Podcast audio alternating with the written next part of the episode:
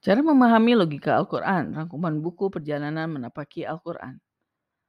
Setelah kita mempelajari cara memahami Al-Quran di episode sebelumnya, pada kesempatan ini kita akan mempelajari cara memahami logika Al-Quran. Apa itu logika Al-Quran? Kita telah memahami logika adalah salah satu cabang dalam ilmu matematika yang berkaitan dengan pengujian pola pikir. Mengapa Al-Quran dianggap memiliki logika? Karena Al-Quran sendiri adalah suatu doktrin pola pikir langsung dari Tuhan. Mungkin agak rancu jika kita menggunakan istilah logika Al-Quran, lebih tepat jika kita menggunakan istilah pola pikir Al-Quran. Jadi bahasa lain dari memahami logika Al-Quran adalah memahami pola pikir Al-Quran.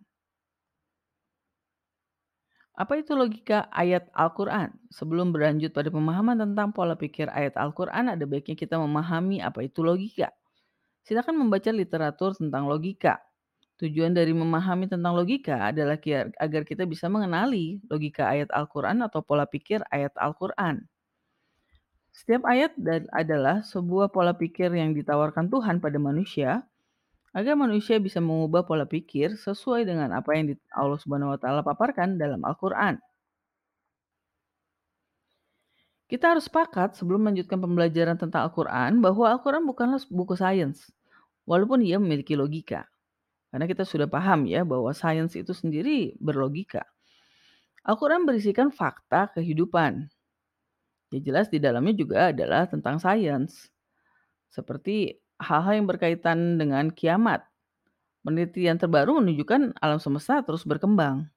Tapi Al-Quran bukanlah rujukan dalam penelitian sains, karena logika manusia tidak sama dengan logika Allah Subhanahu wa taala.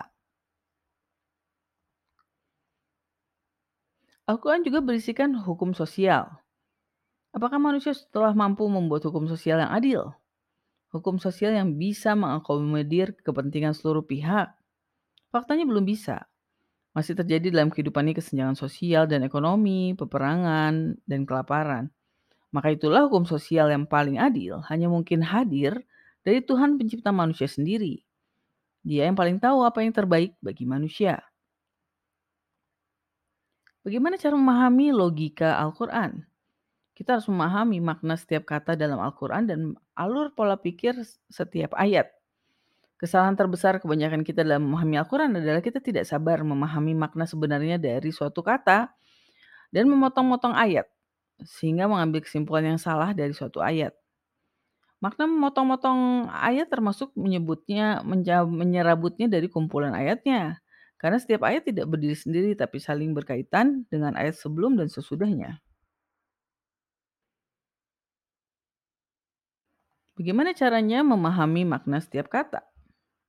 Ini adalah pekerjaan yang paling sulit dari memahami Al-Quran.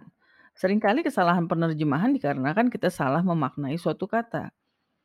Memang kosakata bahasa Arab yang kompleks agak sulit mencari padanan katanya dalam bahasa lain. Selain itu, makna setiap kata dalam Al-Quran biasanya tidak tunggal. Karena dalam Al-Quran setiap kata adalah sebuah istilah.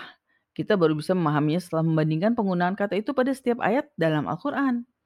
Dengan mengintip korpusturan.com, kita bisa memahami makna setiap kata dalam Al-Quran walaupun pembelajaran kita belum sampai akhir Al-Quran. Kita juga harus memahami struktur kalimat.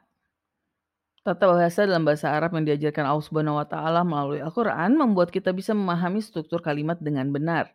Semestinya jika kita menelaah setiap kata dengan benar, kita tidak akan salah memahami setiap kalimat Apalagi jika kita memperhatikan dengan detail alur, susunan, dan pola kalimat dalam setiap ayat Al-Quran.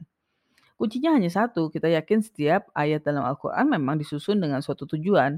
Maka kita harus detail memperhatikan struktur setiap kalimat dalam setiap ayat dan kumpulan ayat dalam Al-Quran.